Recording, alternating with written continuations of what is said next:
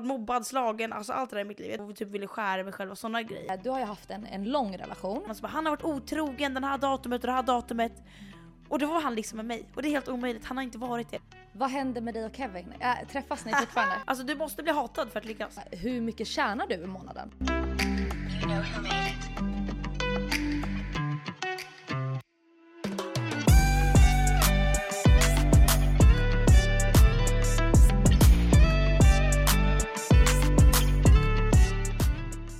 Men du, många känner ju igen dig från reality och från TV. Mm. Och det blir lätt så att när man syns i TV och reality, så, och som du också som visar väldigt mycket av din personlighet, Ja. så blir det ju väldigt lätt att människor har en åsikt om en. Ja. Och du är ju en väldigt stark karaktär. Ja. Så människor har ju både, det är väldigt delade uppfattningar. Så många är ju så, älskar din personlighet, älskar hur du är. Sen finns det ju de som också eh, tycker motsatsen och har väldigt starka åsikter och, eh, Alltså, om jag- hur du är som människa och hur du är som person. Exakt. Men hur känns det när människor har så mycket åsikter om, det, om en? Är det liksom, är det kul med den uppmärksamheten? Bara, alltså är det bara roligt? Eller är det någonting som också kan vara lite störigt att folk hela tiden ska tycka och tänka hur man är? Eh, ja, nej alltså. Folk, jag fattar ju varför folk dömer. För dels ett, eller jag tycker inte det är okej att folk dömer, men de, folk dömer ju på grund av att jag klipps helt som en jävla gata i TV. Och det är ju inte så jag är i TV som jag är i verkligheten. Och det borde ju också folk förstå som kollar på TV, men det gör de ju inte för att det är ju deras liv. Alltså vissa har ju inget liv, så de, hela, hela deras liv sätter de in i reality för att det är reality. Och de tror att det är på riktigt. Så jag fattar ju någonstans varför de dömer mig, men alltså, jag, vet inte, jag har ju varit med om så mycket i mitt liv så jag, jag bryr mig zero. Det var till exempel den här bajsincidenten i PH, alltså hade det varit en annan tjej, de hade ju gått under. Men eftersom att det är jag och varit med om så mycket så bryr jag mig inte. Nej. Så jag vet inte, jag ty- tycker inte att det är jobbigt att folk dömer mig. Sen är det ju såklart att typ människor ute typ om man ska vara med folk har ju typ en bild av mig. Fattar du? Alltså, jag vet inte hur jag ska förklara, det är, det är jobbigt men det är inte jobbigt, jag har bara accepterat läget typ. Mm. Alltså jag har literally bara accepterat läget. Jag fattar. Men som till exempel när du var med i Love Island. Har, eh, tittar du på vad folk eh, tycker och säger om dig? Och vad som skrivs och Ja. vad folk kommenterar? Eller håller du dig undan från det? Eller hur ser det? Nej alltså man kollar ju alltid, alltså, det, det var ju massa TikTok som la upp på mig och massa kommentarer när jag kommer in till exempel. Det är klart man kollar dem men alltså jag bryr mig inte. Alltså jag, jag, alltså, jag, har varit med i två PH-säsonger och en Love Island-säsong. Alltså för mig, jag, jag bryr mig typ inte. Alltså, nej. Jag fattar. Men det som är intressant också är att alltså, reality så får man ju följa dig i realtid. Men det många inte får se och ta del av dig, det är ju din barndom och vad du Ja. har gått igenom i dina tidigare år i livet. Exakt. Men det går typ aldrig på tal typ.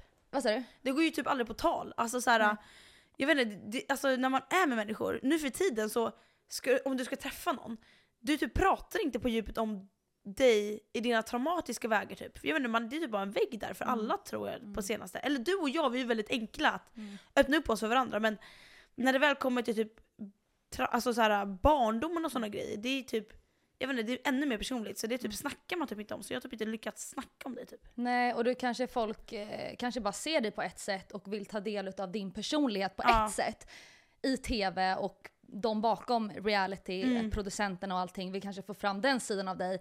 Men det här djupa kanske du aldrig har fått chansen att, eller den här sidan utav dig kanske du aldrig har fått visa. Nej. Men det är det jag vill alltså kanske att vi ska komma in lite på nu, i början av podden, om din barndom. ja. för att eh, om du skulle beskriva din barndom, Mm. lite hur du kände när du var barn, alltså känslor och eh, vem du var som liten. Alltså det är så jävla stor fråga, jag vet liksom inte hur jag ska börja men Alltså kortfattat kan man ju förklara att jag, hade, jag har ju jättemycket OCD på papper. OCD för de som inte vet är ju tvångstankar. Sen har jag ju jättemycket ADHD, alltså grov ADHD liksom. Eh, och när man har ADHD och OCD då kan man liksom inte ta tabletter för ADHD för att då blir OCD värre. Och OCD ut, uppkommer oftast till, eller till mig när man är stressad och så här. Då kommer ju den upp, så jag kunde typ inte gå på någon medicin. Så jag var helt alltså, störd i huvudet när jag var liten. Alltså, jag var helt, de ville skicka mig till handikappsavdelningen liksom, för de fattade ju inte, då hade inte jag fått min diagnos. Eller jo, jag hade fått min diagnos men folk hade typ inte fattat vad det var riktigt. Så folk ville typ skicka mig till handikappsavdelningen. Men får jag fråga, eh, om, vi, om vi börjar då, som att jag ställde en så himla stor fråga. Om Ja. vi börjar innan du fick din diagnos. Eh, hur gammal var du när du fick diagnosen OCD? Jag tror jag var typ åtta åtta. Åtta. Så, Exakt. så hur, hur uttryckte det sig då och eh, vad tänkte dina föräldrar och hur, hur såg det ut liksom? Alltså det var ju, började ju med att alltså jag satt ju innan skolan framför dörren och i sängen och typ, till exempel framför dörren skulle jag klä på och av mig min, min strumpa liksom. Och pappa blev skitlack, han fattade inte vad fan, han trodde bara jag retade han liksom. Eh, skulle ta på mig kläderna hela tiden, skulle byta hela tiden, skulle röra dörren, skulle sätta på spisen, skulle liksom borsta tänderna i, i liksom 40 minuter. Det är därför mitt tandkött är liksom av här uppe, liksom, för jag borstade så mycket när jag var liten. Så allt började med där att så här, ingen fattade ju vad problemet var. Så att mamma sökte hjälp. Ingen fattade, alltså det, det var mycket bråk i familjen på grund av att så här, ja, men pappa fattade inte varför jag var som jag var, och mamma var så här, men hon är väl bara så.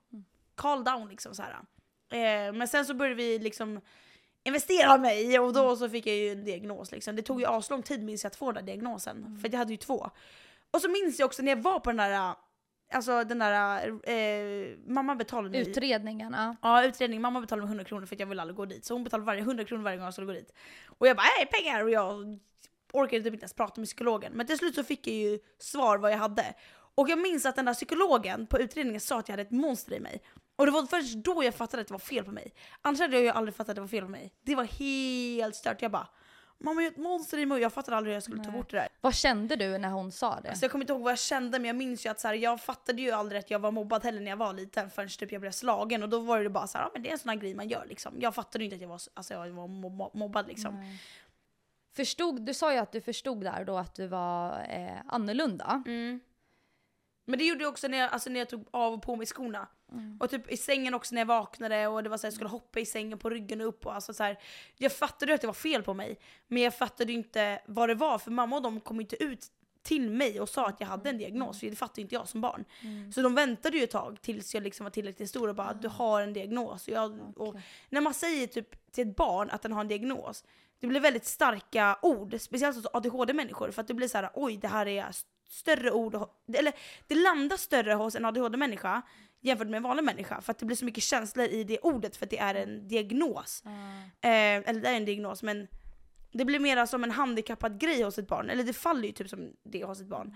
Men kan du berätta lite mer om eh, alltså hur du blev mobbad och när du förstod att du blev mobbad? Och på vilket sätt du blev mobbad? Mm. Alltså jag fattade ju att jag blev mobbad, typ, jag spelade fotboll hela mitt liv.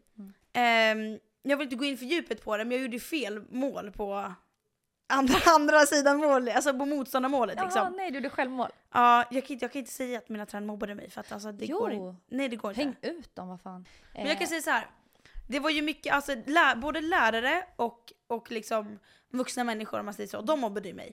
För det var, jag vet inte varför det var så. Ja nej men ja, sen, alltså, jag, vet inte, jag har alltid fattat att det var ett problem med mig men jag har aldrig fattat varför folk inte ville vara med mig. Men det var ju typ efter jag fick diagnos, alltså efter jag fick svar på vad det var för diagnos. Jag har ju fått svaret att jag hade diagnos av mamma men hon sa inte vad det var för att hon ville inte traumatisera mig liksom.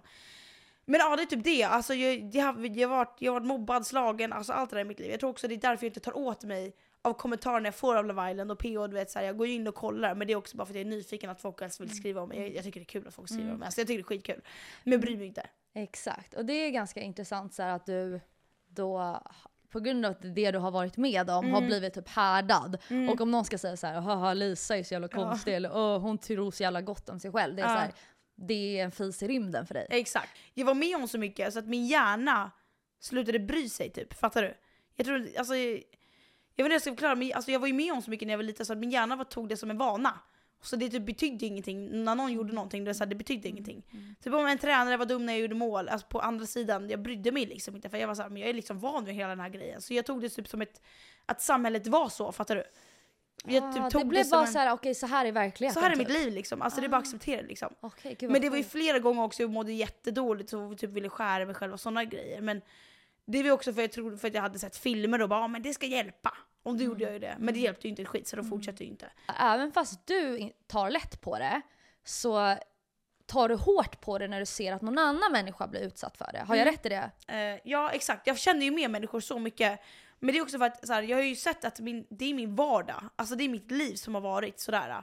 Och jag, jag, jag, jag vill inte att någon annan ska upp, alltså, vara med om det. Så att jag känner ju så mycket för andra för att jag själv varit med om det. Men jag har accepterat att mitt liv har varit så. Hur tyckte du att dina föräldrar hanterade det? Har, har du någonsin känt någon så här, eh, tycker du att de hanterade det bra? Eller tycker du att de, all, ingen förälder är ju perfekt såklart. Nej. Men hur känner du där kring att du var lite annorlunda och hade de här svårigheterna med OCD och allting? Hur tyckte du att dina föräldrar hanterade det? än idag så vet du alltså, typ, jag kan prata med pappa om vissa grejer, typ så här att han blev så arg ibland över små saker som jag gjorde. Och det var ju, även fast han hade gått utbildningar så var det svårt för honom att hantera det. För att det är så konstig situation för han själv inte har de här diagnoserna. Så han förstår ju liksom inte mönstren och det gör inte mamma heller. Men det var ju flera gånger jag pratade med pappa nu idag om sådana här grejer. Då har han ju fattat och bara så här, gud alltså det är inte enkelt att vara förälder säger han. Och hade jag vetat hur det kände då, för jag var ju liten, jag kunde inte uttrycka mig. Då hade han ju gjort annorlunda liksom. Så att alltså, han mår ju jättedåligt när jag snackar om hur han hanterat det liksom. Han, är så, han vill inte ens tänka på det liksom. Och, Eh, det är ju inte, det är inte enkelt för en förälder. Alltså, de känner ju inte vad jag känner. Och speciellt när man har OCD och ADHD. Alltså, du har ju ADHD, det är ju så mycket Mm. känslor inom dig. Fattar du hur mycket känslor inom OCD och ADHD? Liksom? Det är svårt att förklara för en människa för att jag fattar ju inte själv att jag hade det. Liksom. Jag fattar inte. Det är svårt för en förälder att förstå så här, varför gör du så här, varför gör du det här beteendet? Vill, Exakt. vill du göra det så här bara för att du vill jävlas med oss? Eller? Exakt. Och, Ja de fattar ju De inte, fattar de vill inte. fatta men de fattar ju inte. Alltså, Nej, jag och kan ju inte heller förklara. nej, och anledningen nu, för nu har vi suttit och pratat om det här men folk kanske inte ens vet vad OCD är. Och anledningen till att du gjorde de här sakerna, att du Mm. till exempel ehm, smällde igen dörren hundra, nu tar jag bara ett random exempel, jag vet inte Mm. ens om du har gjort det, men smällde igen dörren hundra gånger innan Ja. du ska gå till skolan och din pappa står Exakt. där och ropar Lisa kom nu vi har jättebråttom, vi måste till skolan! Ja, då blir jag ännu Eh, mer stressad och då måste jag göra det ännu mer gånger. Mm. För vad händer annars? Vad tänker ditt huvud händer annars? Alltså det är olika tankar, alltså jag, det är så mycket tankar i min hjärna. Det är antingen så dör farmor om inte jag gör det där. Eller så får jag bara dödsångest, men jag fattar inte att det var ångest då. Men det är dödsångest att jag bara vill så lägga ner liksom och får typ panikattacker och det är så här. Ibland gör jag bara det för att det ska kännas verkligen skönt i mig. Liksom. Jag har ju fortfarande kvar OCD och väldigt mycket OCD är kvar. Men jag, är inte, jag har ju lärt mig och det var... Ah, oavsett om min ADHD inte blev värre eller värre när jag tog medicin för OCD så var det en psykolog som sa till mig en dag som bara Lisa du vet att allt sitter i din hjärna. Och det fastnade verkligen hos mig. Jag bara va? Oh my god, ofta det sitter i min hjärna. Så jag slutade testa att gå på de här medicinerna. Jag blev helt fucked i huvudet i en lång period, alltså flera år. Men sen så bara kom det till mig och bara Lisa du måste sluta med de här grejerna. Och det, allt sitter verkligen i hjärnan och det är verkligen sjukt. Man kan inte gå på mediciner för OCD. Och det är verkligen så många människor som har skrivit till mig Instagram bara så här. Hur får du bort OCD också OCD? Typ så här, jag bara nej alltså sluta med medicinerna. Allt sitter i hjärnan. Det är som ätstörning. Alltså allt sitter verkligen i hjärnan. Allt sitter verkligen i psykologiskt tänkande. Ja. Så här, du tror ju att någonting kommer hända. Du tror att din farmor kommer dö. Du tror ju att du, eller du får ju panikattack för du får ångest över dig själv. Men allt handlar ju verkligen om Alltså du måste bara bestämma själv att så här, du vill inte ha det här. Och det kommer ta flera år. Det tog, alltså, det tog 20 år för mig liksom. Eller jag, och jag har det än idag men jag är inte lika grova. Alltså, allt sitter i hjärnan, man måste bara bestämma själv liksom. Och jobba Så jag med det och det tar tid liksom. Och det tar flera ja, år. Alltså, ja. det, det, det Men inte, det finns hopp, du det är ett finns hopp. exempel på att Exakt. du lever ju inte med de här problemen idag. Jag har Men ju några bara- men inte, inte lika grova Nej liksom. inte lika grova, du har vissa Exakt. såhär, du bara får jag peta på dig tre gånger? Ja, typ sådär. exakt. Men jag vill bara säga att så här, jag tycker det är... Eh, när man tänker på det här lilla barnet och lilla Lisa som Ja. liksom får panik och tänker farmor kommer dö om jag inte gör det här. Mm. Till att din pappa liksom som inte, såklart en förälder förstår inte, Mm. såklart. Hur ska han kunna veta? Jag att du typ tänker så. jag förklarade det till Nej, Anna. Alltså, och det gör man kanske inte som barn för att man har inte den kommunikations... exakt, Man kan förmågan. inte kommun- kommunicera på det Nej. sättet och förklara. Ehm, och sen att man får då skäll och arga föräldrar, att man kanske känner sig lite i vägen, man Mm. känner sig jobbig. Att det är såklart att det påverkar en, men eh, ja. Mm. Ja alltså det är, ju, det är ju tufft att tänka på lilla Lisa, för lilla Lisa idag, hon har ju alltid varit glad i sitt liv. Och vissa människor frågar alltid mig, de bara alltså, när, när du väl får så mycket motstånd i livet, brukar inte du samsa dig till typ samhället typ så här, och psykologiskt sett typ såhär, äh, eh, ja men typ såhär, slutar inte du, eller tänker du inte att du ska vara mer som andra och bla bla bla. Jag bara nej alltså jag bara körde mitt race hela livet, jag har alltid kört det. Och jag tror att det har gjort så att jag fortfarande kan vara lika glad. Sen har ju du rätt i att när jag har snackat med dig om typ så här skär, att jag skärt mig när jag var liten och såna grejer. När jag väl har snackat med dig om det så kan jag förstå att jag har ju inte så mycket, alltså jag bara typ pratar om det sen, som ingenting liksom. Men det är ju också för att jag har sett det som en vardag. Och alltså hade, nå- hade du sagt att du var skärt när du var liten då hade jag ju alltså fallit av stolen och liksom hjälpt dig och såna där grejer liksom och tyckt synd om dig. Men jag vet inte hur jag ska förklara, det är bara hamnat helt, alltså hade, jag, hade någon människa blivit mobbad som den hade blivit, som jag hade blivit, människor hade ju gått under. Men eftersom att jag har aldrig slutat vara mig själv så har jag ju inbillat, alltså så har jag ju accepterat att det är så det är. Liksom. Jag tänker att vi ska komma in lite mer på jobb och karriär. Mm. Och jag vet att du jobbar ju med dina sociala medier och du jobbar även med din Lisa Serén Vintage. Ja. Så kan du berätta lite om hur en vanlig arbetsdag ser ut och ja. Alltså du lever ju också som en influencer, så du vet ju typ ish hur det är. Men alltså, ja, man, alltså jag jobbar ju med min vintage, innan jag jobbade med vintage så levde jag som en influencer. Det var ju att gå upp när man ville, gymma, alltså ha ett jävla fucking fritt liv. Alltså som, som du också har, alltså vi har ju fria liv liksom. Men sen började jag med min vintage, så då började jag ju bara handplocka lite vintage och såhär swords lite och sådana där grejer. Alltså det är mest skillnaden från att jag lever från influencer är ju att jag kanske tar mer bilder till min instagram, till min vintage instagram, lägger upp där, handplockar där och fraktar kläder typ. Det är typ den enda skillnaden typ. Mm, mm. Alltså det är ju verkligen, alltså jag har ju fortfarande, oj, spottar på mycket. Jag har ju väldigt, alltså väldigt liksom fritt liv som är fortfarande som en influencer. Mm. Alltså jag kan ju fortfarande åka till liksom USA en månad, pausa min vintage liksom, alltså det är ju inte, det är fortfarande så liksom. Mm. Okej, vad tycker du är roligast med ditt jobb och vad tycker du är det absolut jobbigaste med ditt jobb? Alltså det roligaste är ju det är ju deala med folk, för jag är väldigt bra på att deala. Och sen är det ju också att se människor använda mina kläder på min vintage. Mm. Till exempel den här Victoria's Secret-modellen. Det var helt sjukt när hon skrev till mig. Jag bara, jag fattar inte att hon ville ha mig. Eller ha Berätta, min jacka. berätta om det, vem är den här Victoria's Secret-modellen? Ja det är ju Romea Strid, jag tror hon heter Romea Strid. Jag, alltså, jag har varit sån jävla fan av henne sedan jag var liten. Du vet ju också vem det här Ja. är, alltså det är helt sjukt. Hon skrev till mig och bara för det är några influencers som har lagt bilder på mina jackor och sådana där grejer och postat och lalala, taggat mig. Och då har den här Romea Strid antagligen sett det. Att de har använt de här grejerna, de här influencerna. Så hon skrev till mig, hon bara hej do you have this biker jacket? Jag bara VA? Vill du ha min jacka? Så hon Ja. frågade om det. Eh, och då skickade jag den till henne. Och jag trodde typ att hon skulle köpa den i början. Jag var såhär, men hon har jättemycket pengar men hon ville få en gifting. Sen la hon upp en bild på hon taggade ju inte men det var ju såhär, det var ändå sjukt för mig att, såhär, att jag har nått en Victoria's Secret modell till min fucking shop. Mm, mm, Alltså det är helt sjukt. Ja. Så, ja. Jättekul, alltså Ja. så roligt.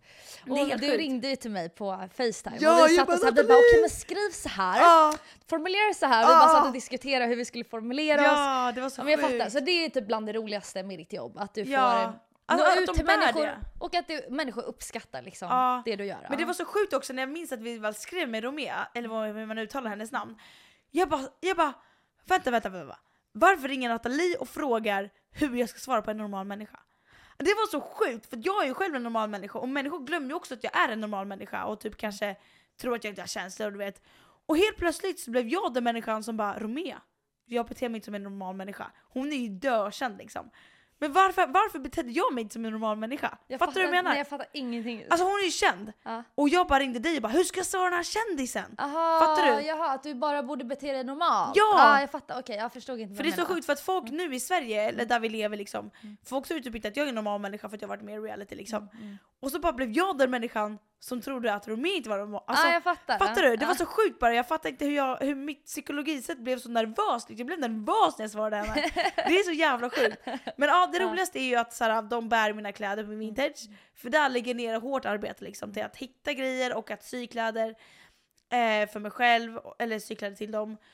Och sen liksom Alltså på, på Instagram, alltså det är också en grej som du också kan hålla med om. Alltså när det går bra på ens Instagram, då, alltså med bilder och liksom följare, det är ju alltid kul. Det är kul när man får likes, och, alltså, ja, för då ser man ju att man gör ett bra jobb. Typ. Mm. När du uppdaterar Instagram till exempel, och om vi pratar just om sociala medier. Mm. Känner du att du gör det för att bara det är kul, som du precis beskrev, att lägga upp och man får likes och du får liksom hela den biten? Eller är, ser du det också som ett jobb? Förstår du vad jag menar? Alltså menar du influencer? Mm, alltså själva Alltså jag hade ju aldrig fortsatt som en influencer om jag inte hade tjänat pengar. Nej. Så jag strävar ju mest också för att liksom få mer pengar i samarbeten. Det hade jag ju såklart. Mm. Alltså jag, jag, jag, jag, alltså jag lever ju på min, in, på min Instagram, sen är det bara ett plus att jag har med vintage liksom, så jag tjänar ju extra på den. Men eh, det, alltså jag strävar ju, hade jag inte tjänat pengar hade jag, hade jag bara fortsatt posta kanske, jag vet inte. Det är så svår fråga. Jag hade nog fortsatt posta ändå. Alltså jag tycker det är kul att lägga upp bilder och outfits och såna grejer. Så jag hade ju ändå velat dela med mig av mina kläder och såna Ja. grejer till de andra ändå. Men vad har du för mål då om vi tänker med din Lisa Sirén Vintage? Ja. Eh, och för de som inte vet vad det är så är ju det där du säljer vintagekläder. Så du Exakt. köper in kläder och sen så säljer du det vidare. Ja, jag handplockar och sen så syr jag vissa grejer och sen så skickar jag iväg det. Vad har du för mål då med Lisa Sirén Vintage? Alltså det ska ju växa som fan. Alltså bara att jag fick den här Victoria's Secret-modellen och nu har ju andra influencers liksom börjat ha mina kläder och du vet så här. ba- Alltså bara det är en ny start för mig just nu. Alltså det är nu, alltså det är nu jag är i, i början av min spot liksom. Så att nu ska jag bara punga ut massa kläder och sådana grejer. Alltså allt blir slutsålt på en sekund. Det är liksom, folk blir lacka på mig i DN. Det var en tjej som skrev till mig en gång, hon bara äh, du, du, du har skrivit såld på, i, när det var uppe, du har skrivit såld när, när jackan var uppe i 30 sekunder. Jag bara, alltså den blev såld på literally 30 sekunder på hemsidan. Jag bara, jag visste inte vad jag skulle göra. Hon blev lack på mig. Hon blev Han blev skitirriterad. skitlack. Jag bara, så jag bara okej nu måste jag vara prof- professional här. Jag bara, alltså jag är hemskt mycket om ursäkt. Du får lägga liksom plingan i min instagram när jag uppdaterar så du får en notis nästa gång. Hon bara, men alltså det är omöjligt att den är såld på 30 sekunder. Jag bara, alltså förlåt jag lovar, det fan blev det alltså. Det är helt sjukt. Folk, alltså, saker sig så här snabbt Ja, liksom. jag fattar. Fan vad roligt. Ja, det enda grejen som är problem det är ju typ att jag heter Sidén på min vintage. Mm. Och det var ju i början att jag märkte att så här, folk ville ju typ inte köpa i början på grund av att det var, hette Lisa Sidén vintage. Mm. Men nu har de ju sett att andra influencers börjar använda mina kläder och då har de ju typ börjat skita i det. Du har känt att du har fått lite hårdare motstånd där för att, Ja. du, för du är Lisa Sidén. Men det jag- fattar jag ju också, alltså, så här, det fattar jag ju. Ja, det Ja. fattar jag. Men det är skönt att det har lagts Absolut. lite. Men det är intressant tror jag för folk att förstå liksom. För jag tror att det blir lätt att man bara ser dig som en dum blondin som bara gör din grej. Du kanske, de, tror att du reality. de tror att du lägger upp saker bara för att du vill ha uppmärksamhet, Ja. bekräftelse. Men nu när man sitter så här och pratar med dig så tror jag att folk kanske får en annan bild. Mm. Men då är det också intressant att fråga hur mycket tjänar du i månaden? Alltså det, jag får ju olika liksom varje månad där. Alltså ibland kan jag få typ 70, ibland får jag 185, ibland får jag 190, ibland får jag 112. Alltså du vet så här, det är väldigt upp och ner på min Instagram. Eh, och sen går ju på min vintage så känner jag ju, alltså typ, jag kan säga så här att nu när jag har, jag har inte uppdaterat mycket alls.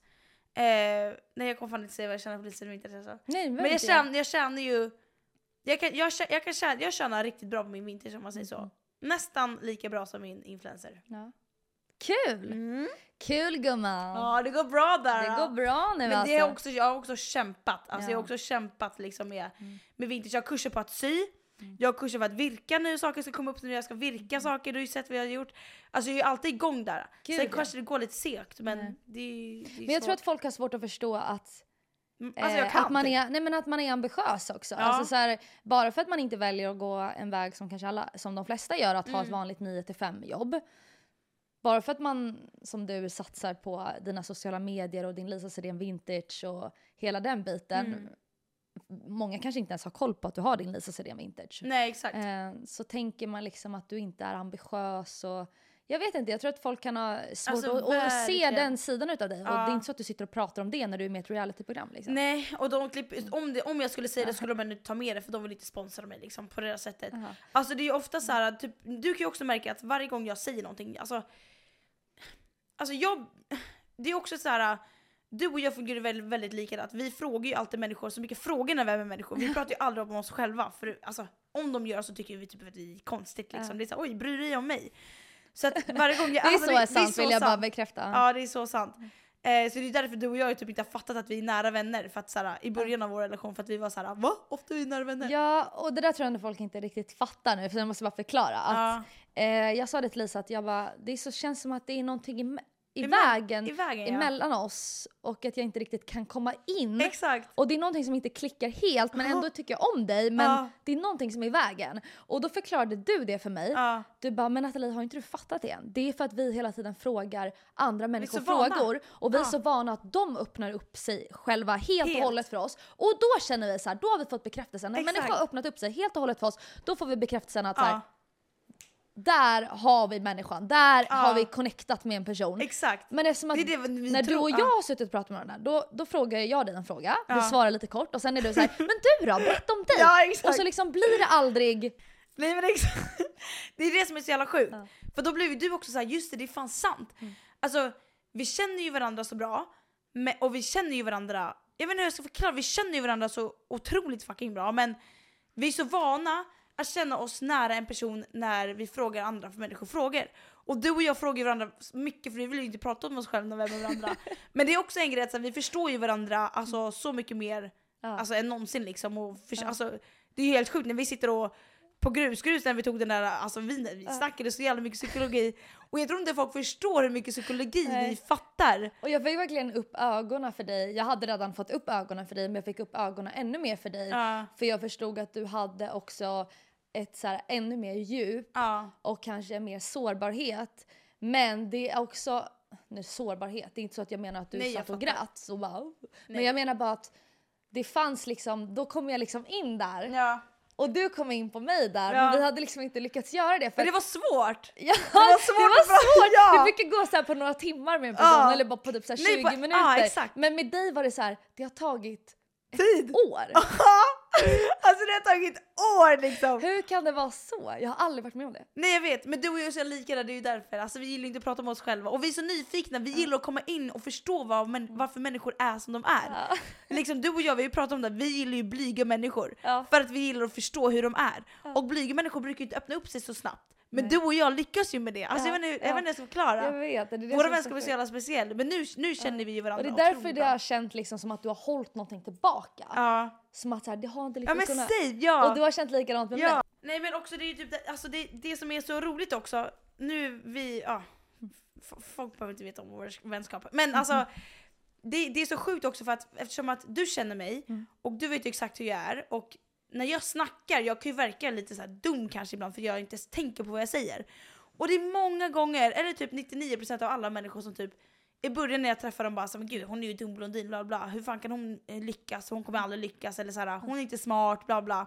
Det är ju, alltså jag känner ju så varenda gång jag, alltså jag träffar en människa liksom. Det är aldrig att jag träffar en människa första gången som får mig att verka eller jo det händer ju någon gång, men som får mig att verka som att jag är någonting typ. Ah, jag Fattar du vad jag Ja, menar? jag fattar exakt vad du menar. Ehm, och sen så ser de ju typ så att jag, jag då kan de fråga så här, vad känner du på Instagram eller vad, vad, vad gör du för eller vad gör du i livet?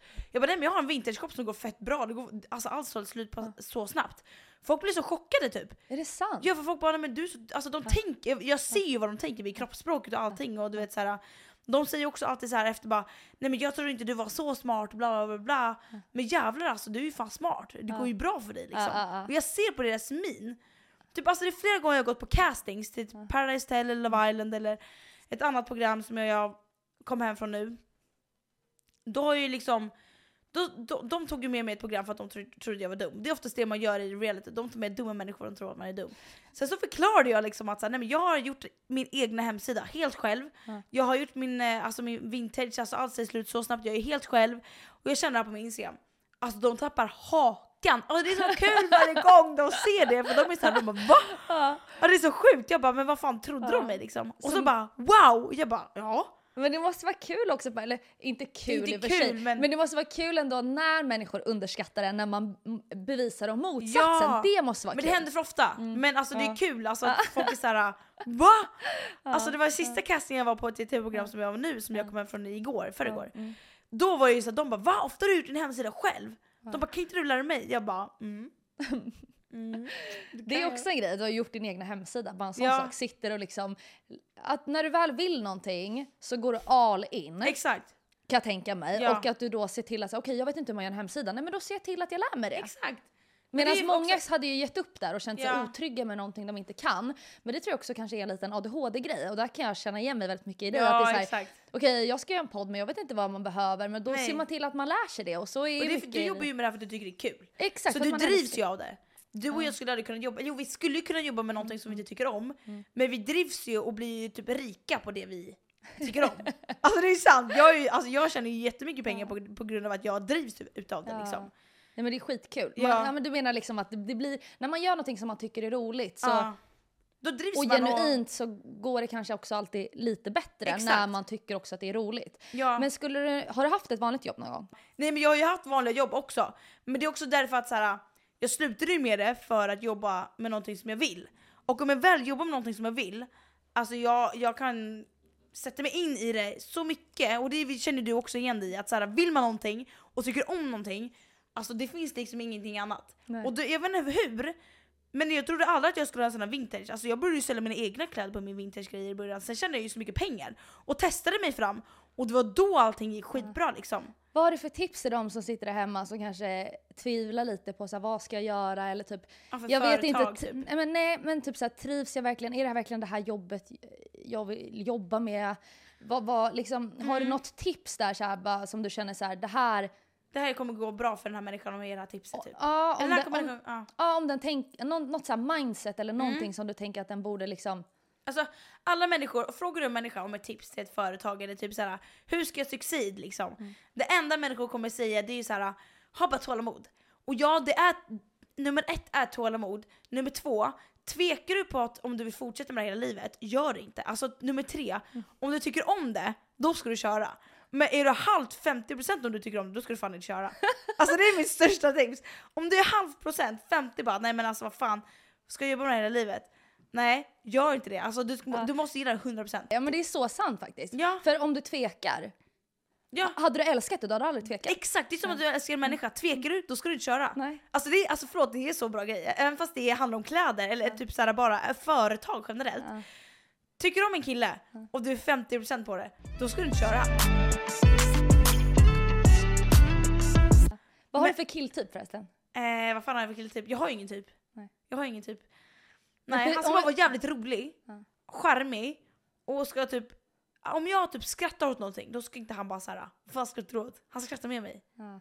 Han ska fatta din Han humor. ska fatta min humor. Han ska ha lite udda, Ja. udda personlighet kanske. Ja, men jag har också märkt att nu har jag varit tillsammans med ganska blyga killar. Okej, Och jag, du vet ju att jag älskar att vara med blyga människor för att man så här, psykologiskt gillar det bara. Mm, mm. Men alltså blyga människor i en killversion, kompisar 100% men i en blyg version av killversion. Jag vet inte, alltså det, det, det blir lite för tråkigt tror jag för min del. Jag fattar. Du fattar precis vad jag Ja. menar va? Och nu kommer jag till den här frågan som folk kanske har väntat på. Ja. Vad händer med dig och Kevin? Äh, träffas ni fortfarande? Nej vi träffas inte fortfarande. Alltså det där måste ju också varit... Han måste också fattat att jag aldrig tyckte om han heller på det sättet. Alltså, det, jag tror att jag bara var i den där bubblan att jag verkligen ville vara kvar i Love Island och du vet såhär... Ja, Mm. jag behöver inte säga något mer. Nej, men, men ville du ändå då så här, kanske testa och ge det en chans när ni kom hem eller var det liksom... Alltså själva grejen med att vara i Love Island det är ju också att såhär, vara med människa och inte dissa den. Fattar du? Alltså att såhär, man ska kanske sänka sin självstandard och se om den faktiskt är någonting. För jag kan ju vara, alltså, ja, alla människor kanske skiter i en människa efter man har varit med den en gång. Men nu är vi tvingade att vara med den. Så du ville kanske testa och se? Exakt! Ja, jag vill ju testa och se. Men hur gick det sen när Det ni gick kom åt hem? då? helvete. Nej alltså han blev ju sur på klubbarna och såna grejer. Alltså han var ju så här. Lisa vad fan du, du tycker inte om mig. Du vet. Så jag bara alltså jag försöker, jag försöker alltså. Han, blev, han blev sur vi, var, vi hade en, eh, en AV med Love Island på Mr French. Han blev sur på mig då, eh, ute på klubben. Sen blev han sur på mig också en annan gång i Örebro när vi var där. Och alltså det var så här, jag, Du kanske satte dig i en dum situation? Ja men han tyckte ju verkligen om mig, alltså Mm. han ville ju flytta till Stockholm, han ville liksom åka och resa med mig, han ville verkligen bli tillsammans med mig och Mm. han var ju jag kände mig också så stressad för han var så här, jag, jag kan inte vänta hur länge som helst liksom. Mm. Jag måste gå vidare om inte du vill ha mig och jag var så här, ja det tar tid för mig liksom Mm. och känns det rätt så känns det rätt liksom. Alltså Love Island, alltså det där med testet som de har, alltså Mm. fine alltså. Alltså känns det rätt från första början då ska man köra, man ska inte köra som jag och Kevin har gjort. Alltså så här, Nej. Känns, Så har du känns lärt dig- rätt i har du- början så ska man inte köra. Så har du lärt dig en läxa kanske utav det här att... Ja, ja men det visste jag ju innan men alltså jag tänkte bara det här var ett experiment som jag ska försöka leva mig in i. Men jag kommer aldrig göra det igen. Alltså aldrig. Nej nej nej nej. Men om vi fortsätter prata lite om Love Island. Eh, vilka gillade du bäst i huset och vilka gillade du minst i huset? Alltså idag så kan jag faktiskt, alltså jag typ tycker inte om att prata om Love Island för det var så jävla, alltså jag var så jävla slut av att vara där för att jag försökte så mycket att tycka om de människor, det gick inte. Så jag vet inte, jag alltså jag typ tog inte in hur andra människor var typ. Alltså jag typ jag tyckte om Emil och eh, Karo eh, och sen tyckte jag om, eh, alltså ja. Vilka mer? Någon kommer bli sur om jag inte säger den. Men Kevin tyckte jag också om som kompis. Ja. Alltså han var ju alltid där för mig och stöttade mig och han pratade med mig varje dag liksom och pratade med människor och ville att människor skulle förstå mig liksom. Så Mm. Kevin, Karo, eh, och Klara var ju mina favoriter. Vilka gillade du minst eller var det några som du kanske inte kom överens med lika bra? Jo men det var ju kanske, alltså jag vill inte, jag vill inte ge dem namnet heller. Alltså de, ska jag säga vem jag tycker om minst? Det inte- nej det är inte, alltså för det första har jag sagt det på min instagram. Men för det andra så vill jag inte ge dem namnet, fattar du? Ja, jag fattar. För att de vet själva vilka de är och jag tror att alla fattar också vilka jag menar. Alltså Jag tror inte folk fattar. folk fattar, alltså folk fattar. De som har kollat hela Love Island fattar exakt. Alltså det är ingen av dem som var där inne är min kompis typ. Alltså jag får ingenting av dem och så här. Jag vet inte hur jag ska förklara, det är bara alltså alla fattar vem jag är inte. Jag pratade ju inte med Nicky där inne, jag pratade ju inte, och Vilma, det har jag redan sagt. Alltså jag orkar inte ens prata om det här. Alltså det är mycket negativ energi. Jag inte. Ja, jag fattar. Vi, vi, vi skiter i Ja, fuck det. Ja. Fuck det där. Men jag tycker det är intressant att fråga dig, för det här har jag inte frågat dig på Mm. riktigt, i, även fast vi är vänner. Har du tittat på dig själv i Love Island? Först min första fråga. Ja eller nej? ja. Ja. Okej, min nästa fråga. Hur tänker du när du ser dig själv på TV? Alltså för att jag har aldrig varit med om det, att se Mm. Nej. mig själv i TV. Man vet ju inte hur så här, får man nya insikter om hur man är som person? Men gud, är jag så där? Reagerar jag så där? Va, gör jag såna där miner? Hur, hur ser du dig själv när du ser dig själv på Mm. Alltså TV? första dagen jag kom in som, i Casamor, då, Mm. fick, då gick jag ju direkt till, jag, jag glömde ju att, att det spelades in. Jag var så jävla exalterad av adrenalin jag kom in och jag var så här, jag bara nu jävlar ska jag vara kvar. Eh, och då såg jag en grej som jag bara shit. Men folk blev typ inte sura utav det för hur jag hanterade det ganska bra. Mm. Och för att jag gick till Ike. Det jag, grejen var att jag gick till Ike det första jag gjorde och bara Isabelle är toxic, Mm. tänk på det. Och för mig att gå till en kompis och säga så, det är inte konstigt. Mm. Men att det blev typ som en skitsnackgrej, då blev jag så här, just det, jag kanske borde tänka på hur andra ser det här. Just Men det var ju också så här. hade jag sagt det till Ike i verkligheten hade han ju inte sagt det vidare. Så att så här, det, i det här syntes ju i TV. Mm, Så att jag vet ju att så här, jag, jag sa ju det till Ike för att vara hans kompis liksom. Så att fattar. jag tror inte jag fick någon skev syn på mig så, alltså jag är ju där för att göra TV. Mm. Hur såg du på det här när du blev, när du blev ledsen där och, och eh, började gråta? Så var det Ja. många som hade åsikter och var så här, "Ah, hon, eh, hon blev så ledsen för att en kille Ja. inte ville ha henne. Ja men alltså folk fattar ju inte, alltså, för det första, jag vet inte hur jag ska förklara riktigt men för det första, han hade ju flörtat sönder med mig. Alltså det var så här. Sen så, jag, jag vet, han, han har kollat också Love Island, alla säsonger av Love Island, Andreas alltså, han vet exakt hur man ska göra. Ehm, jag, vet jag kände mig typ förnedrad för han hade flörtat med mig. Sen så bara kom jag tillbaka till den här utfrysningen, att jag blev nämnd i hela gruppen. Då tänkte jag på mobbningen, du vet det här när man var liten. Ehm, och sen bara typ, jag hade fått så jävla mycket press för att jag som Casamor ska vara kvar i Love Island. Jag tror ni fattar pressen att vara kvar i Love Island är så fucking stor, speciellt när folk bara vill ha deras partner. Jag vill inte gå in och fucka deras grej heller, men jag måste göra det för att jag är där för att Ja. hitta kärleken och för att jag är TV. Det Liksom. tycker jag var så himla roligt att folk blir så upprörda. Bara, Gud vad de är elaka. Man bara, men snälla det är ett tv-program. Ja. De kommer ju in för att de ska skapa lite drama. Ja, folk tror typ att vi väljer. Hade jag vetat att det var Casamor hade jag aldrig gått in. Nej. Aldrig. Och det är också en grej som folk kanske inte fattar. Du Ja. visste ju inte att Nej. innan du skulle gå in i Love Island Så att du skulle Casa vara Amor Hade jag vetat det hade jag aldrig gjort det. Alltså jag trodde ju typ att jag skulle komma in och att de hade verkligen en kille specifikt till mig. Mm. Men alltså hade jag vetat att det var Casamor hade jag aldrig åkt in. Alltså aldrig. Och det tärde som jag tycker synd om alla människor som kommer komma in som Casamor. Alltså man vill inte vara där. Alltså det är så jävla mycket tagande på energi. Alltså det är hemskt. Mm. Och alltså jag vill inte ha någon som var där. Så det var ännu mer hemskt än vad det var. Ja, Alltså det var hemskt. jag fattar. Ja, nej så ja. Men fick du pengar för att vara med i Love Island? Ja, alltså jag skulle aldrig medverka i ett program utan att få pengar.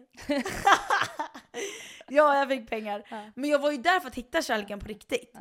Men det gick ju inte alls bra. Nej, och plus jag- att du kom in som Casa Amor också. Det är ju Exakt. svårare att hitta kärleken. Och, där också, som- och därav också din besvikelse. Exakt. Mm. Och det är det, och då eftersom att jag inte hittade någon där, då kunde jag bara lika gärna bara vara kvar där och Mm. liksom försöka hitta kärlek och kanske göra lite mer TV. Ja. Fattar att, alltså, exakt. det var ju också helt ärligt talat, när jag åkte ut, och för det första när jag kom in, då hände det saker. Och när jag åkte ut, då hände det faktiskt ingenting. Och det kan fan alla säga, alltså det hände ingenting. Efter jag åkte, och innan jag kom in. Men en fråga, tycker du att det är... När du kommer in och kliver in i TV, går du in med inställningen att du ska göra TV? Alltså det är så svår fråga. För att nu kommer jag in för att verkligen hitta kärleken, så det gjorde jag inte i Men början. i vanliga fall, annars är ni i tv, typ när det här Ja men programmet. typ Paradise Hotel och Mm. eh, sådana grejer, du, du är ju där för att göra TV. Alltså jag, och är jag med en till säsong, jag är där för att göra TV. Så Mm. ta mig med en nypa salt liksom. Och på tal om. PH, det här tycker jag är lite intressant. Du har ju haft sex i tv. Mm. Och det är inte alla, det är en gräns som kanske inte alla kan gå över. Ja, därför trängde jag. Det här har jag aldrig frågat dig, men hur känner du kring det? Är det någonting du ångrar eller någonting du inte bryr dig om? Hur, Ah. hur reflekterar du kring det? Grejen var att alltså, när jag kom in till TV, äh, till eh, Paradise Hotel så var jag, alltså, jag bara, jag kommer aldrig ha sex i TV, jag kommer aldrig ligga i TV. Men den här alkoholen bror, alltså den är så sjuk i huvudet. Alltså vem som helst ska säga att den inte ska ligga i TV. Men när den dricker den här alkoholen, är fast i den här känslobubblan som man är, du, du kommer släppa det där. Och, och du glömmer kameran, du gör allting. Alltså jag hade såklart tagit tillbaka det. Men det gick, alltså. Ja. Det gick liksom inte att inte ha det. Jag fattar. Alltså andra säsongen var ju ännu mer noga med det för då var jag såhär alltså nej bror du kan fan inte ha det. Ja. Men alltså jag men vet gick, inte, gick det en andra gång? Eller hade du inte sex andra nej jag hade inte sex andra gånger. ah. Men det var också såhär jag kommer aldrig ha, alltså jag, jag vet du kommer, alltså oavsett alla människor som går in i PH för det första, ingen fattar den här bubblan man är med i. Och folk tror att man bara snackar om en jävla bubbla och att det är bara en jävla bubbla och mycket känslor. Nej, alltså det är så mycket mer än det. Du är fast i Paradise Hotel, du får inte snacka om din hund hemma, du får inte snacka om en kackerlacka du sett utanför huset. Alltså du får inte snacka om familj, du får inte snacka om någonting. Om du är ledsen för din familj, du får inte snacka om det där inne. Allt ska vara TV. Men så du blir i en gud. slags bubbla. Du måste verkligen bli så Ja. låst i det här och du Exakt. kan inte tänka på någonting från utsidan. Du får inte nämna någonting från Nej. utsidan. Då måste man bli så... Alltså, du Gud, det blir ett Ja. socialt experiment. Det blir ett socialt experiment. Och du har ju psykolog där också. Det är flera människor som har lämnat självmant men det har sett ut i parceremonier som att de har åkt ut. Fattar du? För att de psykologiskt klarar inte det. Och jag fattar ju det också. Alltså jag försökte också, eller jag tänkte snacka med en psykolog, jag snackade med psykolog, psykolog i Love Island faktiskt för jag fick panik där. Mm. Men det vet inte heller människor om liksom. Men, eh, men alla människor som kommer in i Paradise Hotel, jag lovar, de kommer säga att jag kommer inte lägga i TV. Men folk kommer göra det ändå. Så fort de får en droppe i sig några, och är kvar där några dagar, Ja. de kommer totalt glömma, glömma bort kamera och, och de kommer totalt glömma bort att de kommer ut sig. Alltså det blir bara så. Åh herregud. Jag vet inte hur jag ska förklara, det är bara Nej, men jag sjukt. tror att det inte, är- jag tror det är svårt att förstå om man inte har varit där. Ja. Men jag tror ändå man, man förstår på ett sätt att det du säger, det finns en sanning i det. Ja. För att man förstår ju att det blir ju, man blir men, men Love Island är en helt annan grej, för där är bubblan på ett helt annat sätt. för där får det nämnas saker där från man prata- utsidan. Exakt. Bara att de inte klipper med det liksom. Men ja, jag vet, inte- jag, vet inte hur jag ska förklara. Paradise är ett sjukt fucking experiment alltså. Men jag kommer aldrig ligga i TV igen. Nej. Och det är, ja, jag, svar på din fråga. Ja. Eh, det känns ju för jävligt. Alltså jag hade ju förträngt det här först och tog upp det nu. Men ja, det känns ju för jävligt. Men vad, vad tänkte din familj om det här? Alltså så här, nu- Nej usch. Nej alltså det gud det här är jobbigt för dig. Ja det var så jobbigt! För de kollade ju på det här. Och det, ja, ja! Men jag är också väldigt nära min familj. Alltså Ja. supernära min familj. Men vem liksom. tyckte det här var jobbigast? Eller vem tyckte du att det var jobbigast hade sett där? Din pappa? pappa? Ja! Din bror alltså, då? Nej min bror nej. Nej. Alltså nej jag och min bror är så jävla lika och alltså jag vet inte. Pappa tror jag. Mm. Ja det var superjobbigt att pappa liksom att han, jag vet inte om han såg, jag, jag har inte vågat prata med honom om det här. Nej. Men jag har ju hört att mamma har pratat om det här och jag antar att pappa såg lite och att de fick kolla bort alltså det. var så, här, så fort jag kysste någon i Love Island så var det så att de ville kolla bort det liksom. så ja det är jättepinsamt, speciellt pappa liksom. Ja jag fattar det. Ja, Ja, men gud vad intressant för jag har aldrig frågat dig Nej. frågan. Så det Men jag, när jag väl var där inne och jag väl kom på i sängen att jag hade leg, alltså när jag låg med Marcus liksom, Marcus då, så um, kom jag, var jag väldigt noga med att så här, alla som ligger i tv vill alltid göra bra ifrån sig. För att det, det är liksom, om du väl ligger, då det kommer visas. Och då kan du lika gärna visa att du gör bra ifrån dig. Ja. Det var ju det som var så hemskt också, att så här, då skulle man prestera så jävla mycket liksom och sådana där grejer. Men ja, det känns ju för jävligt än idag alltså. Jag har en fråga angående, du har ju haft en, en lång relation med Ja. en kille som jag vet inte om vi kanske inte ska nämna hans namn. Jo, du kan nämna hans namn. Okej. Ja. Som eh, även jag har fått träffa och hänga med tillsammans Exakt. med dig. Han är supergullig, underbar. Eh, Eller ska men, vi säga hans namn? Han får pipa annars. Okej, bipa namnet. Eh, men du valde att dölja eh, Ja. honom och inte visa upp honom på dina sociala medier. Exakt. Va, hur kommer det sig? Alltså jag tror att jag döljde det för att... Alltså det är så svårt att förklara, men det var för att jag ville inte att någon skulle förstöra. Och jag fick, även fast jag inte gick ut med att det var han jag var tillsammans med, så fick jag ändå DM som bara, han har varit otrogen den här datumet och det här datumet. Och det var han liksom med mig. Och det är helt omöjligt, han har inte varit det liksom. Eh, Människor är så sjuka. de är så sjuka när de bara förstör liksom. Och det kan ju också vara att de tror någonting, Mm. men att de inte är säkra men de vill ändå bara få med det liksom, och skapa kaos. Och jag vet inte deras... Det här, det här fattar jag aldrig psykologiskt tänkande varför de gör som de gör. Mm. Om de har tråkigt eller bara, liksom bara vill förstöra för att de själva vill ha människan. För jag vet att ju, eh, när en influencer blir tillsammans med en kille, då tycker automatiskt alla andra människor att den här killen är skitsnygg. Mm. Fast när egentligen tyckte de inte det innan. Det är det som är så jävla sjukt. Vi ska hålla med om det, det är så jävla konstigt sätt Nej liksom. men det är sant. Ja. Eh, nej men jag valde att inte gå ut med det för att, just för att människor förstör så mycket. Och det, det har ju ingenting med att såhär, jag inte litar på min partner. Alltså vi hade det ett jättebra förhållande och jätte, inte toxic alls och allt bra. Men, eh, och jag litade på honom 100% men det var bara att såhär, jag ville bara liksom inte att, det var en privat grej bara. Jag Som fattar. jag inte ville gå ut med liksom. Jag förstår. Ja, men, Men jag gick ju ut till slut ju. Mm, Just det. Mm. Men hur kommer det sig att eh, det inte höll sen till slut? Eller varför valde ni att gå skilda vägar? Ja, det var ju för att han eh, är en hockeyspelare och jag vill inte leva som en hockeyfru. Och jag, det är, det är, jag kan tänka mig att såhär, oh, men är man tillsammans med en hockeyspelare då är det mycket liksom USA, du vet såhär, du får bo där och han ska betala allting men alltså det är alltså jag vet, jag vet inte hur jag ska förklara. Nu sitter liksom också din hockey. Nej men han bryr sig inte. Nej jag vet, jag vet. Nej men han vet ju också om det här din kille men eh, jag vet inte, jag vet inte, jag klarar typ inte av att vara en hockeyfru bara. Mm. Och det är inte att man får lyxliv, och det, det är klart du får ett lyxliv men det är ju också så här du ger upp hela ditt liv. Eh, du ska vara så mycket till den här människan. Så ju då flytta till ett annat, för du testade ju att bo där ett tag. Exakt, och, Och jag ville ju känn- bo med han. Ja. Men, men alltså det var bara så här, det, alltså jag vet inte hur jag ska förklara. Men du det fick ju upp inte. mycket utav det du vill göra och din, ditt liv här hemma då Mm. för att bo med honom. Och när du testade på det, hur kändes det då? Och hur var de andra hockeyfruarna? Hur kom Ja du alltså de andra dem? hockeyfruarna, det är också det. Alltså, eftersom att jag ger upp hela mitt liv i princip. Jag jobbar ju med Instagram så det är ju ändå en bra grej. Eh, och med vintage kan jag ju typ inte jobba med. För att då måste ju min mamma eller pappa ta hand om det eller någon annan eller anställa någon och det går ju liksom inte just nu. Ehm, om inte jag typ flyttade till USA och sådana grejer. Skitsamma, det är jättekomplicerat. Men ja, alltså det...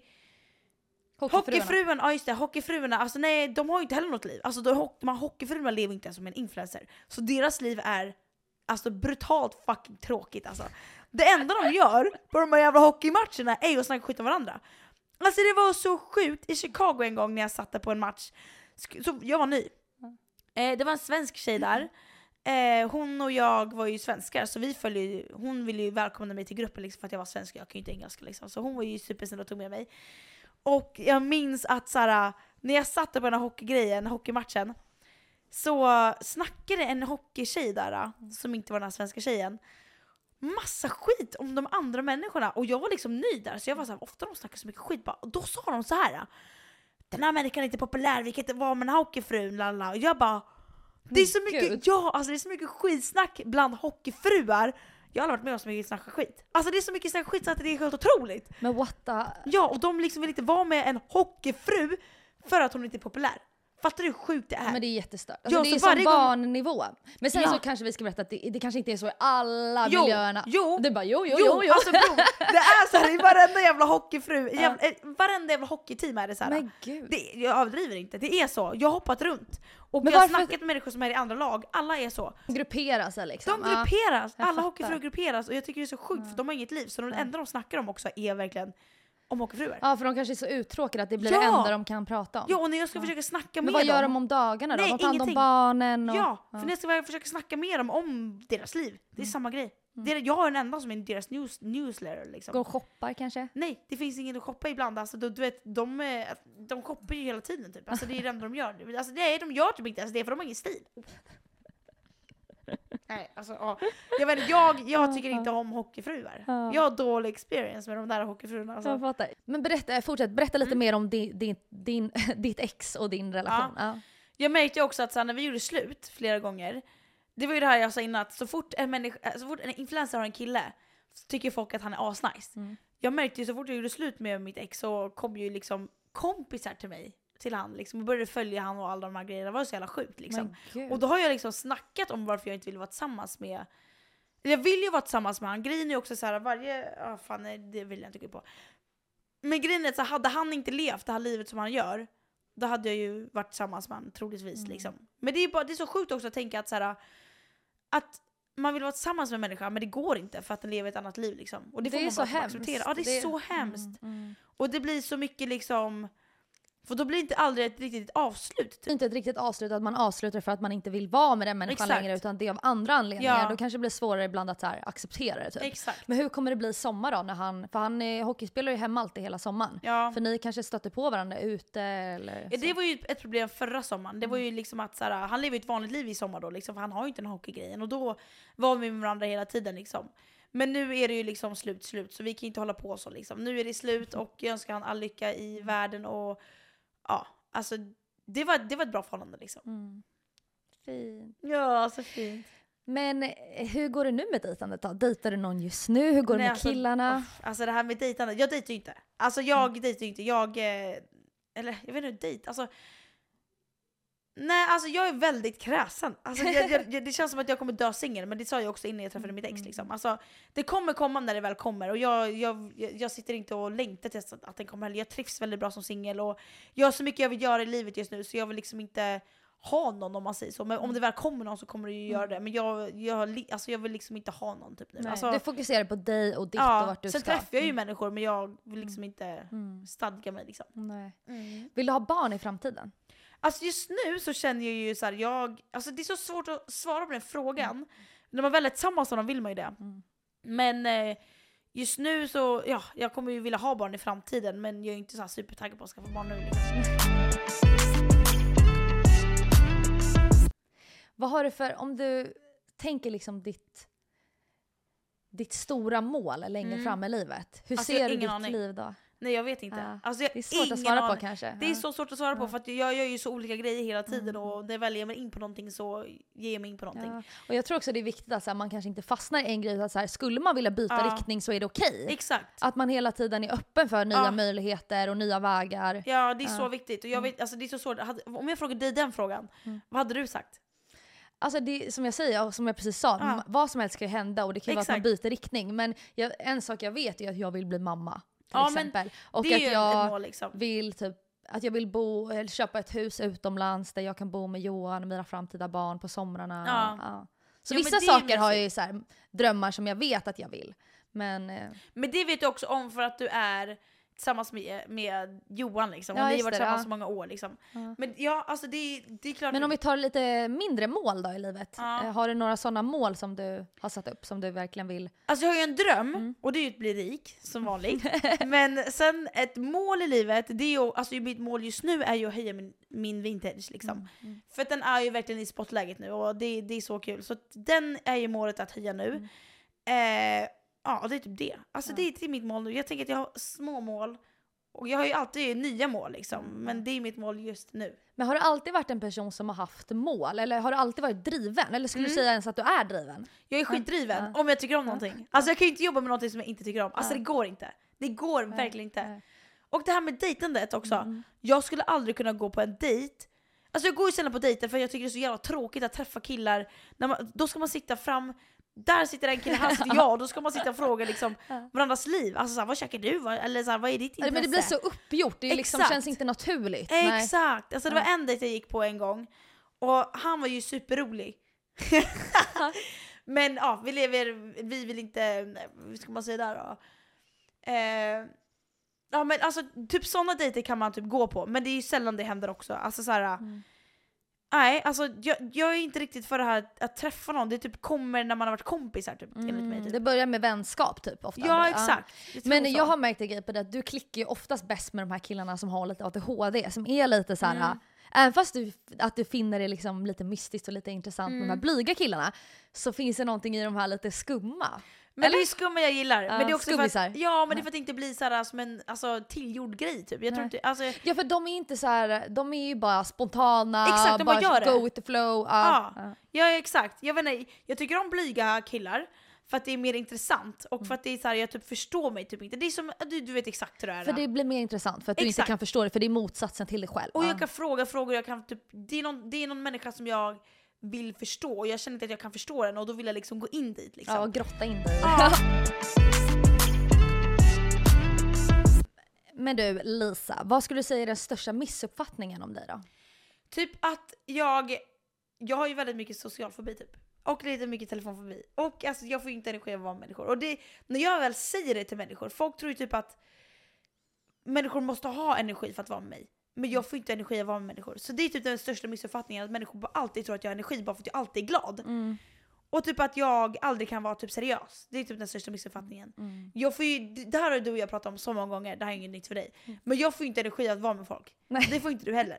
Vi Nej. får energi när vi är själva liksom. Exakt. Ja. Eh, Det är då vi hämtar energi. Ja. Ja, det var därför det var också så jobbigt när jag var i Love Island och PO. Det var, så här, det var hela tiden människor, det söks upp energi. Människor får ju energi av att vara med människor. Jag får ju verkligen inte det. Men det är, alltså jag tror att jag har lärt mig jättemycket om energier på senaste Ja, tiden och jag har inte riktigt trott på energi eller inte fattat vad det var. Nej. Men nu förstår jag att allting vibrerar på Ja. en speciell frekvens. Alltså varje, tan- ja, varje tanke du tänker vibrerar på en specifik frekvens. Aha. Hela du har ett energifält runt omkring dig.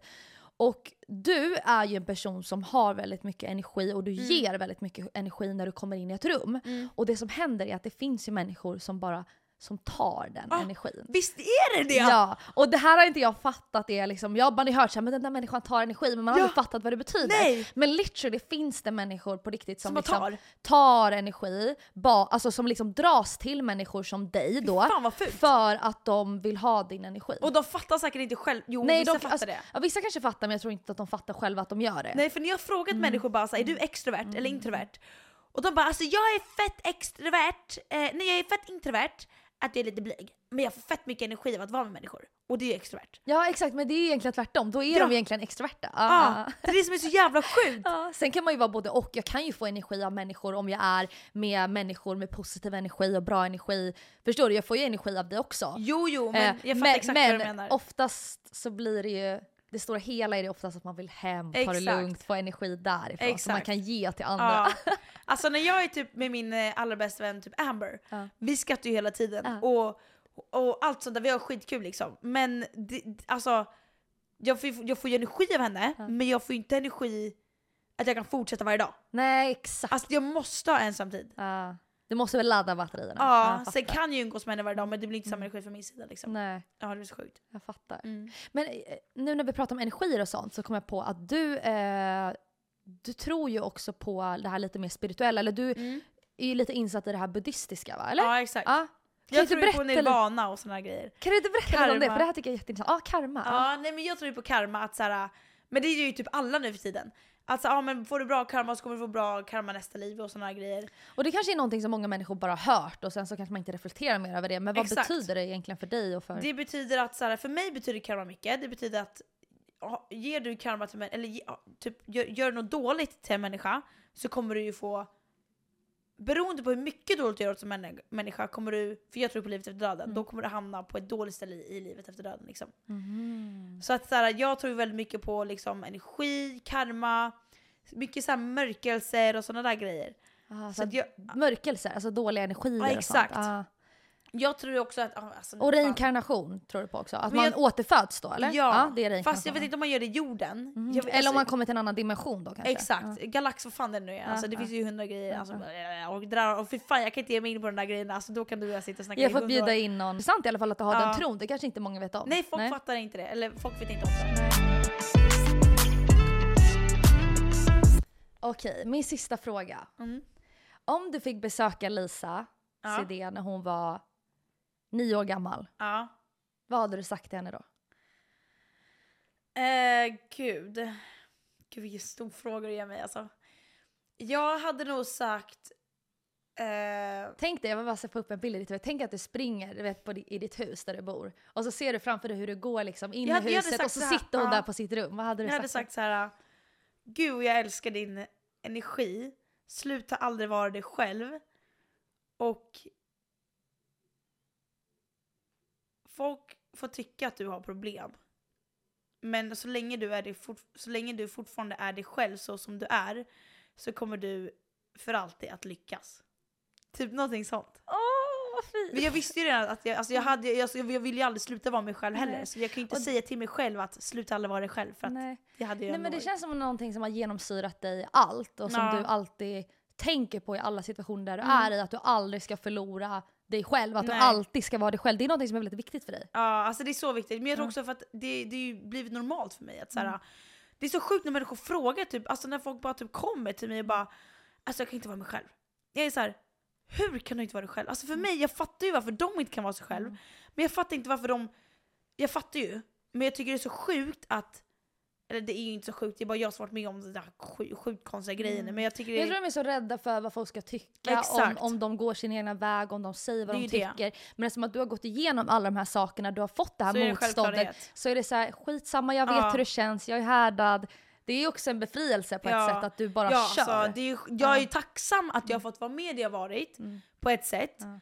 Och jag är, tacksam, alltså jag, jag, jag, jag är tacksam att det inte var någon annan människa, för att den människan hade ju typ alltså, gått konkurs Mm. Ja. liksom. Och det är också häftigt att du kan se tillbaka på det och vara tacksam över det du har varit Ja. med om. Medan många gör sig själva, inte gör sig själva, de ser sig själva som ett offer, vilket de kanske har all rätt att göra också. Mm. Ja. Men om de har den synen på sin barndom och på det de har gått igenom så blir det också svårare att liksom du relaterar till det på ett positivt sätt. Du Exakt. vänder det till någonting positivt och ser det som att du kan ha lärt dig någonting, att du har blivit hårdare utav det. Så du ser tillbaka på det med någonting Bra positivt. ja. Och det är jävligt fint och någonting som kanske många kan inspireras av. Men det tycker jag verkligen. Jag tycker att så här, alla människor kommer alltid typ säga samma svar. Så man ska inte ångra någonting man har gjort i livet. Mm. Men de fattar ju inte varför man inte ska ångra någonting i livet. Man måste ju vända allt man har varit med i till Mm. positivitet. Även fast det är svårt att hitta positiviteten i det så kommer man själv märka hur man är i olika situationer framöver och ta det positivt då. Liksom. Man kommer hamna i olika situationer där man är såhär, gud det här är inte jag van vid, vad fan ska jag göra nu? Ta det positivt det jag varit med om och bara kör Ja. ute. Och är det, är det inte någon som tycker om mig, för det är också många som kan göra, typ såhär, många vill bli accepterade av människor för de fattar inte varför den här människan inte ger den här samma energi som man ger tillbaka till den här människan. Det är ju också, det är ju inte för att den här människan inte gillar dig, det är, den här, det är ju för att du bara lyckas inte öppna den här människan så enkelt i början, men du kanske öppnar den ännu enklare än vad en annan människa gör när du lär känna den ännu mer. Och Alltså- att alla är inte redo för att ha ett förhållande. Det är inte Eller öppna upp sig eller som öppna kompis. upp sig. Alltså, Alltså, alla har ju gått igenom olika Exakt. saker och det har inte betytt att det är något fel på dig. nej. Nej. och det är psykolog, varje kommentar Mm. eller varje grej du säger är psykolo, hamnar psykologiskt sett Olika, hos olika hos olika varje personer. människa. Alltså, Kroppsspråk, allting. Alltså, det, är- det är verkligen alltså, så, ja. Ja. Men jag ska säga, du har, eh, har du ångest ibland idag? Alltså jag hade ångest, jag kan få ångest, alltså en sjuk ångest, bakfylla. Mm. För ingenting. Sen kan jag få lite ångest över saker som jag inte vet vad jag får ångest av och det har, inte, det har jag inte upplevt heller förut. Jag tror att jag har kommit närmare mina känslor för att jag vet vad ångest är. Mm. Du bör, bör kom- få mer kontakt kanske med känslorna? Eh, Nej men det har jag alltid varit, Mm. haft. Men, jag bara, det har jag alltid haft. Men jag, jag vet inte, jag ska förklara. Jag tror att jag har fått lite mer ångest för att det är, så, det är mycket press typ nu. Mm. Och då, jag tror inte jag haft den här pressen med vanligt jobb. För nu har jag mitt, nu har jag mitt egna jobb och du vet såhär. Jag vet inte hur jag ska förklara. Mm. Jag fattar, det är lite mer press liksom. Ja, och då, då tror jag att man kan uppleva lite mer ångest typ i det. Mm. Jag har, ju Mm. haft, jag har fått lite mer ångest nu på senaste, men jag fattar Mm. inte vad det är. Men Mm. det är, då får man ju bara tänka på så här, vad är det som gör ångesten? Mm. Vad kan du göra för att inte få den här ångesten?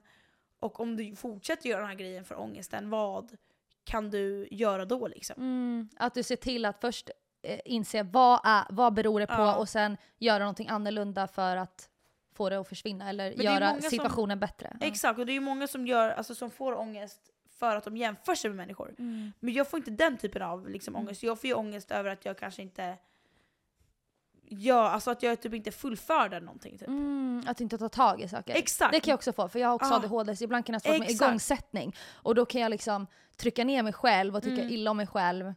För att För inte att jag, slutfört någonting. ja, för att typ. jag inte slutfört någonting. Och typ inte känt sig typ såhär, Ja. Typ att man inte gjort tillräckligt typ, för, för att man kan. Typ. Man vet att man kan men Ja. man har inte energin ibland. Ja. Ja. Och sen så egentligen har man energin, Mm. men, man, men man orkar inte. Och då tänker man såhär, för att man inte orkar, då är det en sån här fucking slappis alltså. Alltså det är helt sjukt. Men det är upp och ner. Alltså, det är så här, man har dåliga dagar, man har bra dagar och jag tror det är viktigt att liksom på, Påminna sig påminna sig själv. och de som lyssnar att Ja. så här, det är okej att ha en dålig dag.